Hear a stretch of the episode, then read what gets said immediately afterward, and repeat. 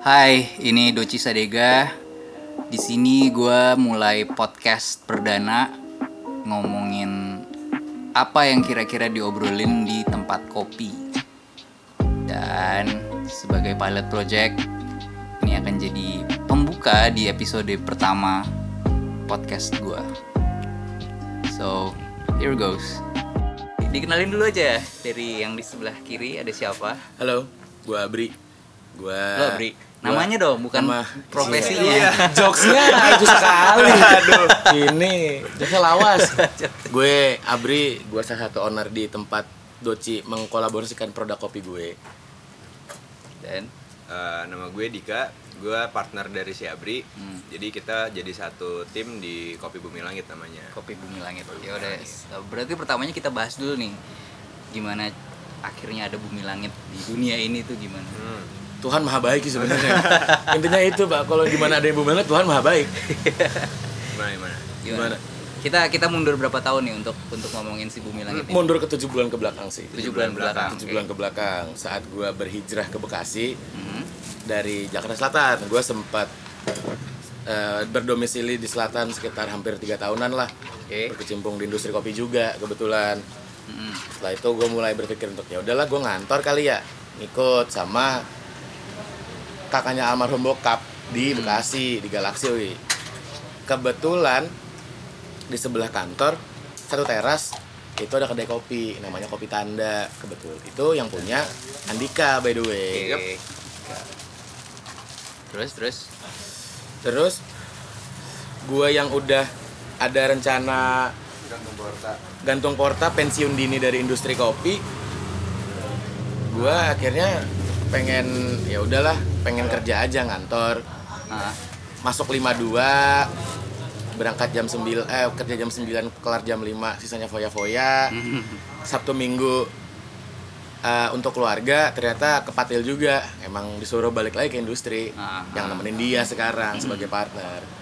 Gitu deh ceritanya. Jadi ketemunya di kedai lo jadi Iya di Bekasi Kopi Tanda. Oke.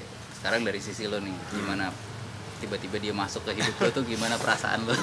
Kaget sih gue. Jadi gue ingat banget tuh eh, pertama kali datang si Abri Ah. itu di Kopi Tanda karena kantor di sebelah sama kedai gue kan.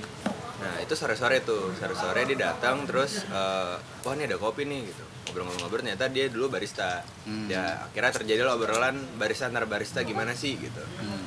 Dan lucunya adalah eh, ya udah sebatas itu aja. Sampai akhirnya waktu itu gue pengen emang tadinya tuh gue ada rencana mau bikin eh, segmen bisnis baru di Kopi Tanda dan itu gagal. Kenapa itu gagal? Gagal tuh gara-gara eh, waktu itu yang partneran sama gue itu cabut tiba-tiba. Hmm. Jadi nggak jelas juntrungannya kenapa. Sampai akhirnya eh, udah ada planningnya dan gue bingung nih anjing mau dibawa ke mana gitu Hmm. terus sampai hub- gua tanya nih sama Abri Bri lu nggak ada kepikiran mau bikin kedai kopi apa gitu terus dia tuh kayak ah gua udah udah mau mau stop gitu Mau pensiun. iya gua mau pensiun Gue udah kekopian nih. iya gua udah kekopian banget nih gitu. di luar gue juga buron sih di industri iya Oh, iya. juga buron buronan di Gua industri. buron Nanti, industri. nanti kita cerita. Oke, itu menarik ya. Nah, sampai akhirnya eh, singkat cerita, gua ada satu tempat di Bekasi, Hmm. namanya Ruang Ngopi. Itu gua ketemu sama eh, eh, owner di sana, dan Hmm. dia bilang, eh gua ada nih eh, link untuk Cilandak. Jadi gua ada ada tempat di sana. Hmm. Terserah lu mau kalau ada SDM dan budget dan ada planning silakan gitu. Hmm. Gua sama Abri denger.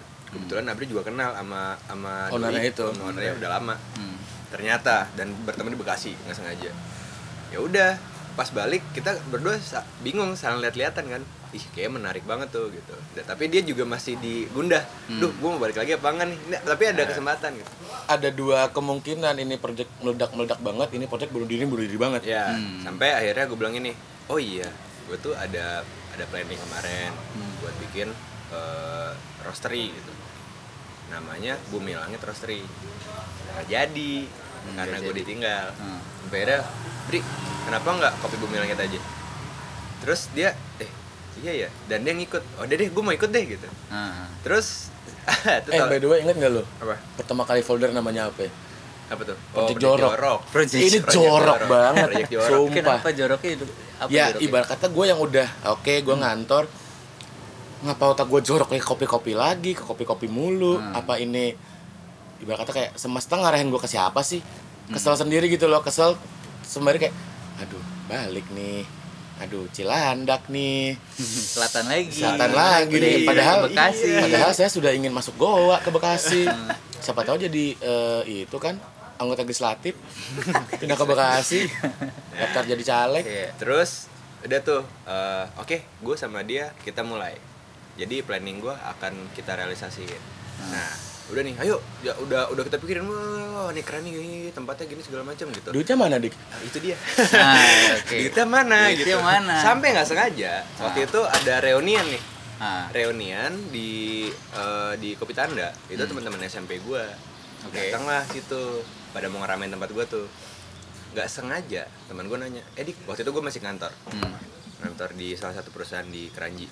hmm. Eh, Dik, lu eh, kira-kira sibuk apa sekarang-sekarang ini gitu? Terus gue bilang, "Oh, gue sekarang sibuk eh, ngurusin kedai kopi gue nih yang sekarang sama ngantor. Tapi gue nih masih ada project yang mau gue jalanin sih gitu. Hmm. Oh, project apa tuh? Namanya Kopi Bumi Langit.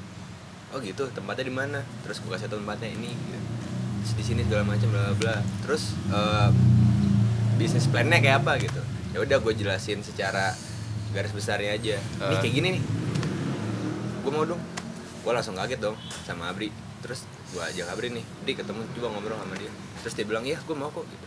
Berarti Abri ini udah ikut ke mana pun Abri- lo pergi Iya, ya? Karena kan itu karena sebelahan. itu reuni tapi dia dia dia, Dia ada di sana, ada, dia di sana karena Karena kantor sebelahan. Oh, juga. jadi pas lagi ada di situ Pas lagi di situ. Dia selalu pasti ada di situ. mostly gabut sih hidup gue sama dia. karena nggak mungkin pulang ke Cibinong bolak balik hari-hari gue tipes Nah, ya ini kan berarti lo udah keluar dari kerjaan kantoran atau gimana? kondisinya adalah gue disuruh memilih apakah gue harus cabut full dari kantor akhirnya balik ke industri kopi atau gue coba jalan ini sebagai gue handle sama Dika dari jauh ada orang yang jalanin tapi ternyata menurut bisa. gue ini harus kita kasih hatinya Iya, dulu iya, iya. Nyawa biar lo harus ada next sana. juga. misalnya ada orang baru yang masuk sebagai staff atau apa pun itu Udah tahu. seperti kami Iya, akhirnya kita nggak kita mau ngasih contoh dulu gitu. Hmm. Oke, sampai akhirnya oh dia setuju. Baru tuh perjalanan dimulai. Hmm. Di situ gua langsung eh, gua intrik banget Hmm. eh, macem-macem lah ada problem sampai akhirnya oke gue resign dari kantor. Oke, lo juga Gua- full gua- time gua di full sini time di, di, di kopi. di kopi. Oke, gue cabut dari kantor, terus gue bilang sama Abdi, yuk kita urusin ini yuk. Gitu. kondisi gue belum resign Kondisinya belum resign gitu. Jadi masih tarik ulur. Akhirnya jadi Jadi, jadi dan tempatnya kita udah dapet vendornya kita tahu siapa segala macam dan waktu dan waktu itu gue diketemuin di sini tuh sama Mas Romano. Hmm. gitu. Udah akhirnya eh, kita barengan sama sama apa sama Mas Romano dan Romano mengenalkan gue baru sama lu. Lu dan circle-circle yang ya sekarang kita pada ngobrol-ngobrol Iya, ini. oke ya begitulah akhirnya. Kalau Ya. ditanya backtracknya Bumi Langit kayak apa tujuh bulan lalu kayak begitu. Tujuh bulan lalu di sebuah kedai kopi didatengin Abri. didangin Abri ya digeledah sama Abri digeledah sama Abri Abri siapa kita nggak tahu ujuk-ujuk ngopi gitu Itu aja kopi. Hmm, gitu. eh apa namanya? Oh ya tadi kan udah udah diceritain background kopinya. Lo tadi belum belum secara jelas Background kopi gua di mana. Kopi lo di mana gitu. Sama mungkin nanti kita bisa bisa nyebrang lagi ke yang tadi lo bilang kenapa lo jadi buron di kopi. iya iya itu dia tuh ini lucu nih pembahasannya dimulai lucu. dulu, dimulai dulu. Eh, kita flashback ke empat tahun yang lalu kalau begini Oke, ini di sini efek-efek gitu ya. jadi efeknya di sini manual ya karena pilot jadi efeknya manual dulu empat tahun yang lalu gue akhirnya mulai interest untuk masuk industri kopi gara-gara gue diajak chip in dan in charge di sebuah kedai kopi di Depok Oke, Depok. Hmm. Depoknya Cinere apa? Eh, Kelapa Dua Oh, Kelapa Brimob Brimob Hmm. Oh, emang gak jauh-jauh dari Abri. Iya makanya, makanya emang lingkungannya. terus terus. Tinggal dialami mas. kedai gue semakin banyak link gue pun juga semakin banyak link interest gue makin besar terhadap kopi kuliah gue mandek Hmm. kuliah gue mandek harusnya itu di 2015 gue harus skripsi Hmm. harusnya udah mengarah ke lulus gue pending semuanya gue masuk industri kopi gue korbanin semua Ah. sampai akhirnya di 2016 saat kedai saat itu kedai udah mulai rame customernya udah apa demandnya udah mulai banyak gue merasa ada yang aneh sama manajemennya. Hmm. sampai akhirnya gue ya udahlah gue cabut saham. Ya yang gue masukin gue minta semua udah oke selesai segala macam gue cabut. Gue luntang lantung sekitar satu bulan. Hmm. akhirnya gue ngekos. Awalnya kan gue tinggal di kedai. Hampir sama lah kayak gini kondisinya gue tinggal di di kedai juga gitu. Gue luntang lantung sebulan. Coffee shop yang gue samperin buat gue apply CV mentokin gue di tes terakhir pas ketemu sama ownernya ya udah gue mundur dari tempat itu. Hmm. nggak jadi masuk. Ya kepalang rezeki gitu ya.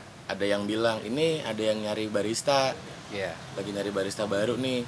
Siapa tuh? Teman gue bilang ada. Lu tahu tuku kan? Hmm. ya akhirnya gue mencoba melempar CV gue ke tuku. Cuman bermodal handphone dan Adobe Reader. Mhm. ya gue cuman ngelempar CV by email doang nggak bawa CV fisik. Mostly orang-orang yang ngeplay ke sana bawa CV-nya fisik. fisik ya. bawa CV fisik bawa map segala macem. Gue kayak bosnya yang mana? Bosnya yang ini.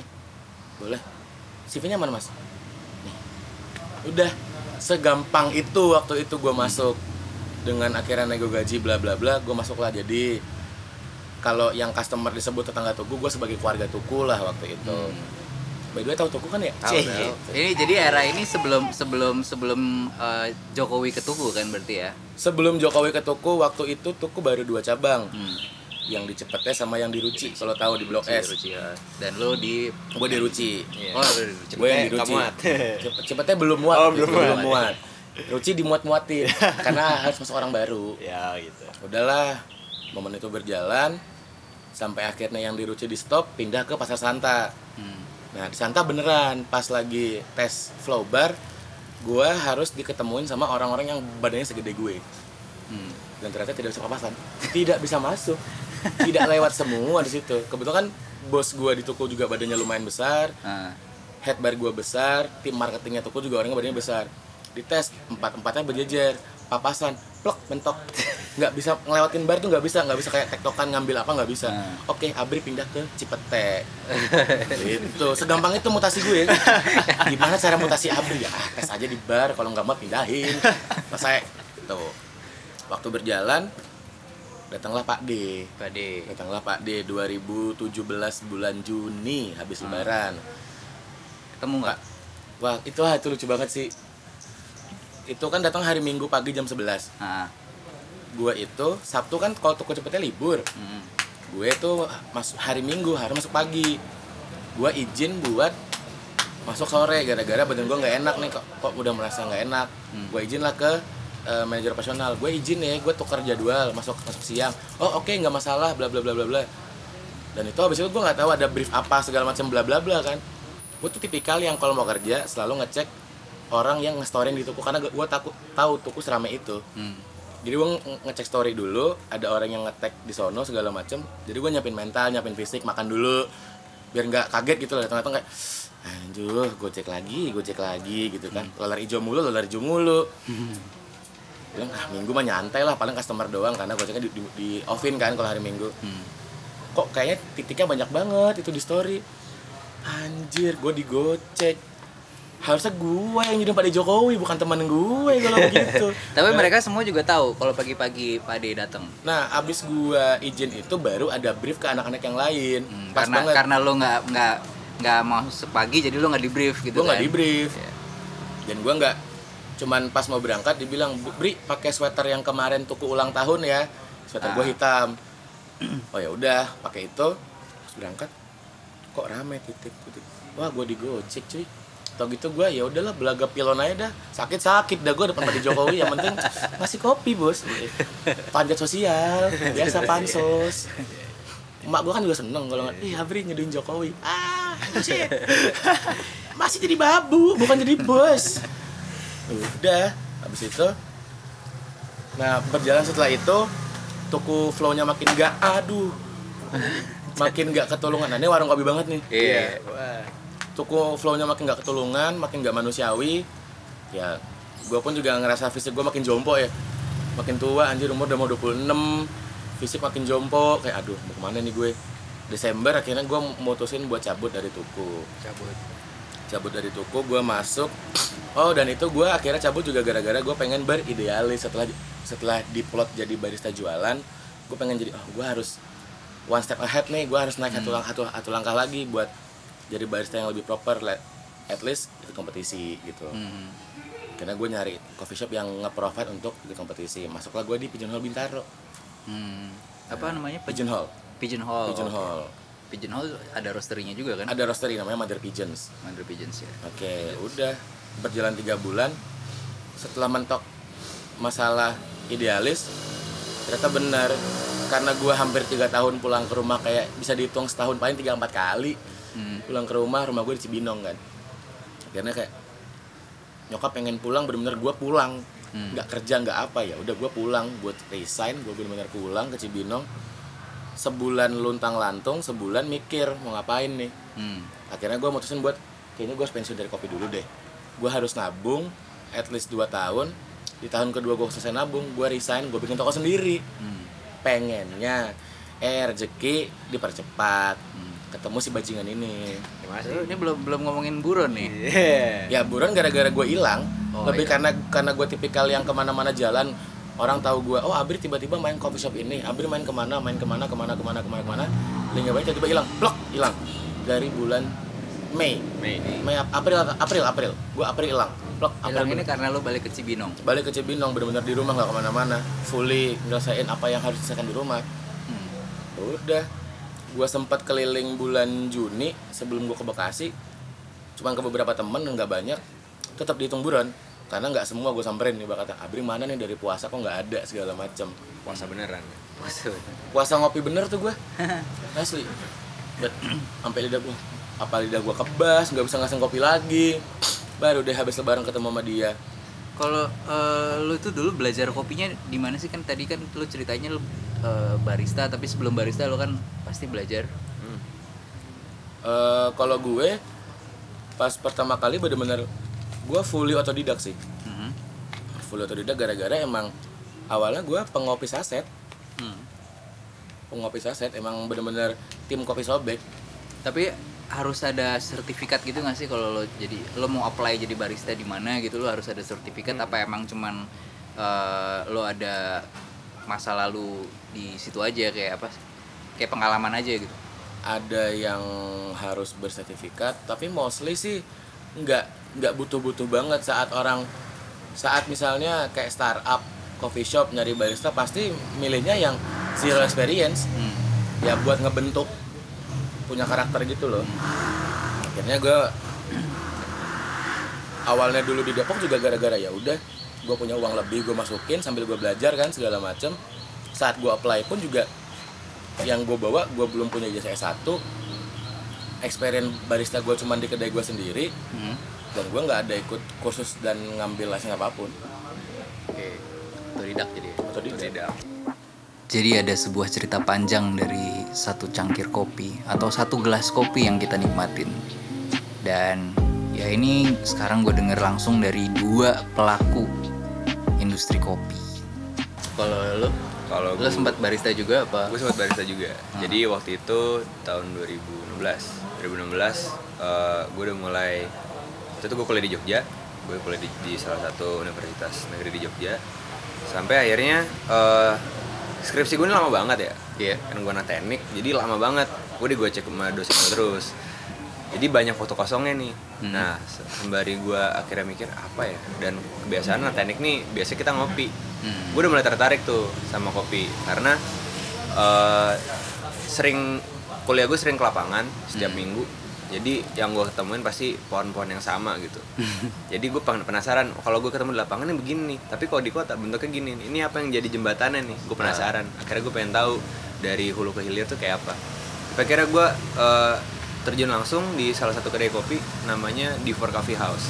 Hmm. di Jogja itu salah satu gue nggak bisa bilang itu kedai gue bilangnya tuh coffee house. Jadi benar-benar eh, kecil banget kayak Jepangan gitu. Gue di sana di situ gue belajar. Nggak lebih dari eh, tentang kopi doang tapi gimana caranya lo eh, engage sama tim lo Hmm. terus sama customer lo juga. Setelah dari situ akhirnya karena gue harus kelarin skripsi gue ya udah gue kelarin skripsi gue dan udah kelar tuh. Gue cabut dari Divor tapi gue belum balik ke kota gue Bekasi. Sampai akhirnya ah gue pengen masih mau ngebar lagi nih di Jogja gue ngebar lagi di salah satu kedai namanya Dasmu Dasmu Garage. Dasmu. Dasmu mana Dasmu Das- wah parah Palelo. iya, kalau di sini palelo ya. Palelo. Palelo kopi. Lu mana? Palelo. Palelo kopi. Berantem bos. Disokin. gitu jadi gue ngebar di Dasmu eh gue bareng sama ada eh, tim-tim di sana dan gue dapat pengalaman lagi di mana bukan kopi lagi. Jadi ternyata gue belajar kopi tuh lebih banyak tuh ya secara komunal. Kayak gue dapet insight dari siapa belajar lagi ngulik lagi segala macam tanpa harus gue ngerasa ini adalah jalur cepat gitu. Tanpa harus gue ambil sertifikasi gitu. Hmm. sampai gue mikir ah apakah eh, kalau mau bikin kedai kopi harus ada sertifikatnya gitu.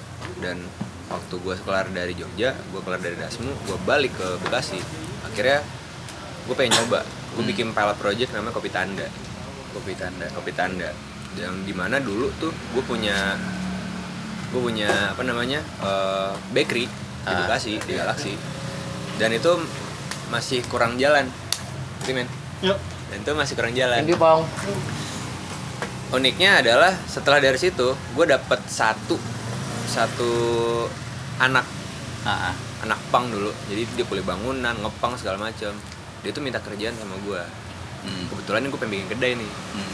udah gue bilang lu mau bi- bisa bikin kopi nggak kopi yang ini bang yang diaduk itu gitu Hmm. ya kopi deh kopi menurut lu gimana ya yang itu bang yaudah ayo gue ajarin kopi gitu Diajarin. darinya akhirnya gue ngerasa oke darinya orang bela- belajar minum kopi saset gitu Hmm. maksudnya nggak nge nggak nggak mau jokin kopi saset ya tapi setidaknya dia udah berani mencoba yang Hmm. kopi yang sebenarnya nih dari dari biji gitu dan dia bisa akhirnya gue bilang lo mau ikut gue nggak? Gue pengen bikin kedai namanya kopi tanda.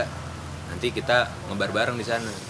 Boleh bang. Yaudah akhirnya gue bikin kopi tanda bareng sama anak ini. Hmm. Akhirnya gue dibantu sama dia terus set, set, set, sampai kopi tanda beberapa bulan rame banget. Hmm.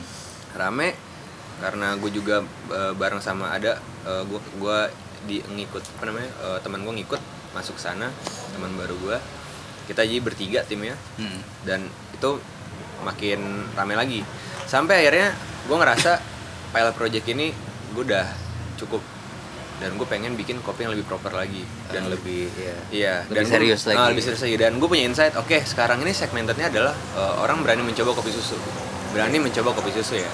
Dan akhirnya itu menjadi menjadi eh, beberapa signature eh, drink yang ada di beberapa coffee shop. Hmm. Dan gue pengen pengen banget bahwa kalau misalkan kopi kan ada rasanya sebenarnya ya, nggak kayak yang kita tahu gitu. Tapi kan orang awam nggak tahu nih. Oke, gue bakal nge-bridge orang buat nyoba berani untuk kopi hitam, tapi Gimana? ya gimana nih ada rasa-rasanya gitu biar orang saat mencoba kopi yang benar-benar proper Ah. nggak kaget Agak gitu. Iya soalnya kan selama ini kan orang eh, yang tadinya bukan peminum kopi bisa bisa nikmatin kopi karena ada si susu ini kan. iya Jadi eh, susu ini membuat orang yang tadinya nggak bisa nikmatin kopi jadi suka karena ada si rasa susu. Ada si rasa Tapi jadinya orang jadi lupa rasa rasa kopi yang dicari itu seperti apa sih gitu iya kan. bener. Dan eh, ya lo lo mau nyoba balikin orang gimana caranya biar suka si kopi hitam, kopi yang benar Iya, kopi kopi tapi nggak ada campur tang campur-campur si susu ini gitu. betul gitu. Jadi gue maunya orang berani dulu. Tapi kan nggak mungkin gue ngejambak orang nih yang coba nih kopi hitam. Ah nggak bisa mas. Ya gue akhirnya membuat produk nih gue kasih lo eh, jembatan untuk mencoba itu. Iya. akhirnya gue bikin lah bumi langit bareng sama Abri. Ya gue juga gue pernah juga sih kayak emang gue gue sendiri juga bisa nikmatin kopi karena ada susunya kan. Iya. Sampai akhirnya ah gue mau mau mau sel kopi nih gue Ya. akhirnya gue waktu itu ke Starbucks. Terus gue mesen americano. Oke nggak tahan gue men Apa tuh? americano americano enggak gue gue gue tadinya kan gue bisa bisa nikmatin kopi itu karena ada susunya kan tadinya kan terus gue pengen pengen sosokan kayak wah gue gue pengen jadi Black coffee people nih. iya iya coffee people Waduh. akhirnya gue ngobain americano americano kan cuman basically air sama kopi doang Air dan sama espresso. espresso Iya. doang. Yup. Dan ternyata emang lidah gue belum bisa Belum siap. belum siap Kaget. kaget Terkejut. terkejut nah sekarang eh, dari dari dari sisi gue waktu itu Hmm. akhirnya gue di eh, Mas Mano ngasih tahu nih ada ada ada tenan baru nih di Cilandak dia dia bikin kopi gitu terus gue bilang ajak kolaborasi mas gitu terus si Mas Mano bilang wah boleh juga tuh ya udah kita ngobrol hari itu yang tadinya nggak ada rencana ngobrol akhirnya kita ketemu kan Iya, di kita kan? ketemu. di Grand Kemang waktu di Grand Kemang ha. Terus eh, lu datang ke gua dengan eh, apa, Visi misi. visi misi lu pengen pengen orang bisa bisa nikmatin kopi se apa ya sesuai faedahnya si kopi ini Iya, gitu balik ke yang fitrah gitu. ya balik ke fitrahnya si kopi Balik ke ini kopi kopi. hitam gitu caranya gimana Eh, terus eh, lo lo ngasih insight eh bu- eh, apa ngasih ngasih ngasih intro waktu itu lo pengen bikin sesuatu eh, suatu produk yang campurannya fruit ya Eh, dan lo tanya eh, kopi yang segar menurut gue yang seperti apa gitu. Gue bilang gue pengen ada hint eh, kayak ada peachnya dan ada mintnya gue bilang gitu. Terus eh, selang berapa minggu ya waktu itu ya akhirnya kita ketemu lagi lo bikin lo lo kasih di depan gue tuh ada cup yang satu campurannya eh, peach terus ada orange sama ada orange lagi orange-nya ada Orange dua sama lemon satu. sama lemon satu. Nah, yang pertama kali gue coba itu eh, orange. Orange-nya ada yang lebih citrus ada yang lebih gula. Ada yang lebih gula. Nah, terus eh yang kedua gue coba itu yang lemon. Eh lemon ya? Yang lemon. lemon. Yang ah, lo bilang lemon. kayak obat. Iya yang lemon. Rasanya lebih lebih kayak obat batuk. Iya, batuk. Karena karena lemon dicampur kopi itu rasanya kayak bisolvon kalau menurut iya. iya iya. Iya jamu sih kayak bertowali Iya. Terus, akhirnya gue nemu si peach nih, peach dicampur kopi tuh rasanya kawin men gitu loh. Kayak pelukan pelukan pelukan Iya, banget. iya, bener. Tosan kayak ada ada ada asemnya, terus uh, ada manisnya juga. Terus sama aromatik Eh, eh, dan iya dan wanginya tuh harum banget dan dan lidah gue tuh bisa langsung tahu rasa kopinya seperti ini rasa peachnya seperti ini gitu jadi begitu gue minum tuh gue langsung bisa bedain yang gue minum tuh kopi sama peach kalau misalnya gue eh, misalnya gini kayak di depan gue ada mobil nih kalau gue tutup mata mobilnya nggak kelihatan tapi gue tetap dengar ada ada suaranya gitu. Analoginya seperti itu. Pas gue eh, gue nyoba ngilangin rasa peach di lidah gue oh ini rasa kopinya. Jadi dari situ eh, lidah gue terbiasa lagi sama rasa kopi yang eh, kopi yang bagus tuh yang seperti ini gitu. Apa eh, jadi jadi kelihatan. Lo make make bijinya yang jelek atau gak enak itu jadi jadi jadi kelihatan di situ gitu. Yap. jadi nggak nggak cuman eh, kalau eh, kalau kita lihat ya dulu kan ada tuh zaman di mana bir terus dicampur sama le- Buah. buah itu kan Oh. itu kayak blasphemy Tabu. gitu Tabu. kayak kayak nista gitu Iya. lu minum lu kalau mau minum minum minum lucu jangan minum bir lu minum minum yang lain aja Iya. gitu ya kan kayak apa kayak yang Ah. lucu-lucu terus eh, ini jadi jadi pertanyaan gue ada nggak sih orang yang nyerang lu karena lu ngasih si buah-buahan ini ke kopi gitu diskursus ini muncul di November November. November, November. diskursus November. ini dan hal tabu ini terangkat di November saat gue bilang gue mungkin kopi with flavor tapi yang bener-bener gue inject flavor bukan flavor yang kebuka gara-gara gue nyeduh kopinya Hmm. bener-bener gue inject flavornya karena kadang-kadang kan nyeduh kopi ada ada emang ada hintnya ya ada hintnya kalau misalnya kayak di industri kopi ada namanya flavor wheel Hmm. nah itu tiap kopi itu punya karakteristik masing-masing Hmm. kayak ada fruity ada nutty ada chocolatey Hmm. ada sampai kalau yang unpleasant yang gak diterima ada grassy kayak rasa rumput Burnt. Ya. ada yang karbon ibarat kata kayak kopi lu roasting sampai gosong banget Hmm. yang ke minum ya rasa karbon arang kebakar Hmm. udah pas ini lucu sebenarnya saat gua saat gua nyetusin buat oke kita main kopi lucu bukan kopi susu kita Hmm. kopi rasa-rasa gara-gara gua ketemu sama yang nyewain ini tempat bukan yang nyewain sih yang penyewa ini tempat pertama Hmm. tempat ini udah ada yang nyewa di tahun lalu Hmm. 2018 awal dibikin Kopi tempat juga ini bukan nah ini lucu di tempat ini Ah. dia nyewa lahan dan dibangunin tempat peruntukannya buat coffee shop Hmm. Mangkrak hampir 10 bulan. Mangkrak. Literally mangkrak. men Hmm. kayak he or she don't know what to do lah. Hmm. kayak gue punya ide brilian gue punya ide besar tapi nggak tahu siapa yang ngejalanin Hmm. kayak ya udah akhirnya bener-bener nggak gerak sama sekali. Jalur lampu cuman satu ada meja bar tapi triplek. Hmm. ini kayak ibarat kata gue udah pengen naruh gue punya mesin yang harga segini gue taruh di barnya mejanya ngambrol Ya, akhirnya ketemu lah karena si landlordnya bilang nih yang punya lahan semua bilang Ah. ya ini tempat udah disewain sama orang lain kalau mau ketemu di- sama dia deh Hmm. buat nanya insight. Atau enggak kalau lo mau lo, mau lo tackle lahannya lo bilang ke dia aja. Waktu itu yang datang Dika dan investor gua si Ius tadi yang teman SMP-nya dia. Hmm.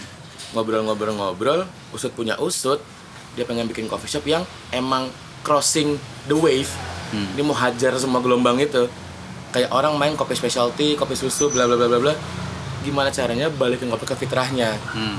karena kalau konsul ke dia itu mahal banget ini for information dia adalah seorang financial advisor Hmm. jadi kalau sekali konsul 3 sampai 5 jutaan cuman satu jam dua jam itu kayak anjir ya Dika dan Ius yang bisa lebih nerawang daripada gue gue kan bacot ya kalau dia kan lebih nerawang anteng nerawang baru eksekusi Hmm. kalau gue eksekutor beneran tukang pukul lah ibarat kata kalau di sini Abri ya, Abri. Iya. namanya Bri, juga ya. abri tukang pukul lah brutal dah pokoknya akhirnya yang awalnya gue udah ya gue punya experience di tuku setahun setengah ya elah resep kopi susu tutup mata jadi Hmm. Ibarat kata gitu di telepon gue lagi anteng-anteng ngerokok di kantor Bray bisa nggak lu bikin kopi hitam? Ya bisa. Lah menurut Ngana aing barista bisa naon anjing. Aing barista nyet gitu. Bisa bikin kopi hitam? Enggak bikin kopi hitam. Entar dulu nih kopi hitam kayak apa? Di flavorin eh men gue juga kayak lu mau menistakan sesuatu yang sudah Ini dia. Ini gue dia. awalnya gue yang kontrak lu yakin men? Yakin bisa bisa. Yakin. akhirnya momen bertiga ngumpul keliling-keliling jalan ke Bintaro ketemu satu coffee shop yang dia punya kopi hitam espresso pakai sparkling pakai lemon slice. Hmm. gue jadi inget zaman gue di Depok gue juga pengen kayak gitu. Espresso lemon soda dan madu. Hmm. bisa kok. Cuan-cuan sih. Aduh. Dia idealisnya bisnis gue idealisnya kopi. Oh itu bumi langitnya. Itu bumi Hmm, langitnya. itu bumi langit di situ. Gua, ini kopi harus saya bawa wow sampai ke akhirat. Hmm. dia men lu tuh cari cuan anjir. Inget inget modal cuma segini anda mau ngapain gitu. Akhirnya ya udah coba ngulik ngulik ngulik ngulik ngulik sampai akhirnya Mas Romano bilang oke lu bakal gua arahin kolabor bareng Icot ntar dulu nih ini toko baru mau buka. Ini bakal jadi pergunjingan. Hmm. ngapain nyari KOL buat ngeblas kopi gitu? Hmm. tabu gitu. Tabu. Banget. Sementara di industri kopi yang jadi KOL anak-anak kopi sendiri. Iya, iya, iya, iya. gitu. Mas Mano yang satu ini adalah orang-orang yang suka crossing apa pun gitu. Semua semua di crossing. Iya, dan, eh, dan uniknya eh, yang nyebrang-nyebrang itu malah gue suka. Jadi dari dari dulu tuh kalau PW Gaskins nyari apa ya? eh, nyari brand yang untuk dikolaborate itu pasti nggak nggak relate sama Piwi kayak kita akhirnya cross sama Puma yang Puma itu hip hop banget Yup. tiba-tiba kita ada ada band popang Ada Bang. terus representasi Puma terus kayak ya banyak lah yang kayak yang kayak gitu dan begitu gue punya kesempatan kopi tuh kayaknya gue juga eh, jadi setiap kali collaborate itu yang yang di pikiran gue cuma dua. Yang satu udah jelas cuan ya. Iya, iya, jelas itu nggak bisa dipungkiri yang satu cuan yang dua gue tuh pengen belajar sesuatu yang gue belum tahu belum belum paham gitu. Jadi emang kalau emang mau ngajak gue nyebur gue harus tahu dulu nih air yang gue gue selemin ini kayak apa? ada apa aja di situ gitu biar gue bisa berenang biar gue nggak tenggelam di situ gitu. Makanya uh, kalau emang kita kolaborasi ya kita kemarin komunikasinya juga enak terus lu kasih gue insight gue juga nyambung dan akhirnya jadilah si kolaborasi uh, ini. Nah sekarang produknya itu uh, yang yang collaborate itu kan kopi sama peach ya? Peach. ada opsi juga bisa ditambahin mint. Yap. Terus eh, yang menurut gue bikin kalian beda adalah biasanya kalau coffee shop yang varian kayak gini tuh bukan yang utama, ya kayak kayak pelengkap aja. Eh, biasanya ya udah jualan kopi susu, kopi susu, kopi susu, cuman ada pilihan lain. Kalau yang lo lo bikin di sini malah kebalik ya. Iya. Lo lo emang ini yang eh, benchmark lo, tapi lo juga bisa bikin kopi susu Iya. gitu kan. Gitu. Ya, itu yang yang bikin gue menarik. Terus di, ah, di sini juga ada ini nih, ada Agit. Git, lo nanti episode selanjutnya gue ngobrol sama lo ya. Boleh, boleh, boleh. Agit ini, dengan senang hati. Agit ini adiknya Ai. Eh, terus dia ada banyak brand juga. Dia ada Walls, ada ya, ya ada Ye Right, ada Six Slash Nine, ada apa lagi Git? fok fok fok itu bukan. Fok, fok. Six last nine udah enggak. Ya kalau hari ini kita ngomongin kopi di tempat kopi, besok kita akan ngomongin brand di tempat kopi. Siap. Nah, Siap, terus siap. Eh, kita masih ada banyak eh masih ada waktu tiga menit lagi lah dari kesimpulan apa yang kita obrolin ini apa yang pengen lo sampaikan yang tadi belum kita sampaikan Oke, kalau gua, gua sih lebih lebih kayak gini. eh, mungkin kayak masalah bir tadi ya. hmm. Bir dengan flavor itu kayak menistakan bir gitu. yes Sedangkan sedangkan sih peminumnya enjoy enjoy aja enjoy minum enjoy itu aja, ya. Makanya itu kopi dengan flavor. eh, maksud gua adalah kita lihat tujuannya. Tujuannya adalah gue pengen kasih tahu ke orang bahwa yang gue kasih flavor ini semua jenis buah. Hmm. Kopi itu adalah buah Hmm. dan di dalam kopi rasanya pun ada rasa buah kopi itu sefruit buah ya seperti buah Kan base-nya buah. Cherry. buah, Iya, cherry tapi itu yang nggak orang tahu dan Hmm. akhirnya orang penasaran oh kopi buah ya akhirnya saat mereka datang ke Bumi Langit ya kita kasih tahu emang kopi itu adalah buah Hmm. dan itu yang orang kurang tahu tapi dan- emang misi lo itu supaya orang bisa balik menikmati kopi kan ini Iya, jadi betul. jembatannya Ini kan jadi jembatannya. bukan bukan eh, bukan mau bikin minuman lucu Yap. ya emang lu bikin minuman lucu Yap. tapi emang tujuannya lu biar orang tuh bisa nikmatin kopi tanpa ada si susu ini karena Iya, susu ini jadi me- apa ya mem- membikin garis tuh jadi blur gitu sebenarnya yang lo suka tuh kopi apa susu ya gitu kan ya semacam itu Semacam jadi itu. itu. itu kita jadi jembatannya aja kita berusaha buat bikin itu sih balikin lagi orang buat berani lu jangan mandang warna gelapnya aja banyak banget sih yang kayak gitu terjadi di sini No, tapi no, lu coba catur. dulu gitu lu coba dulu rasain rasanya.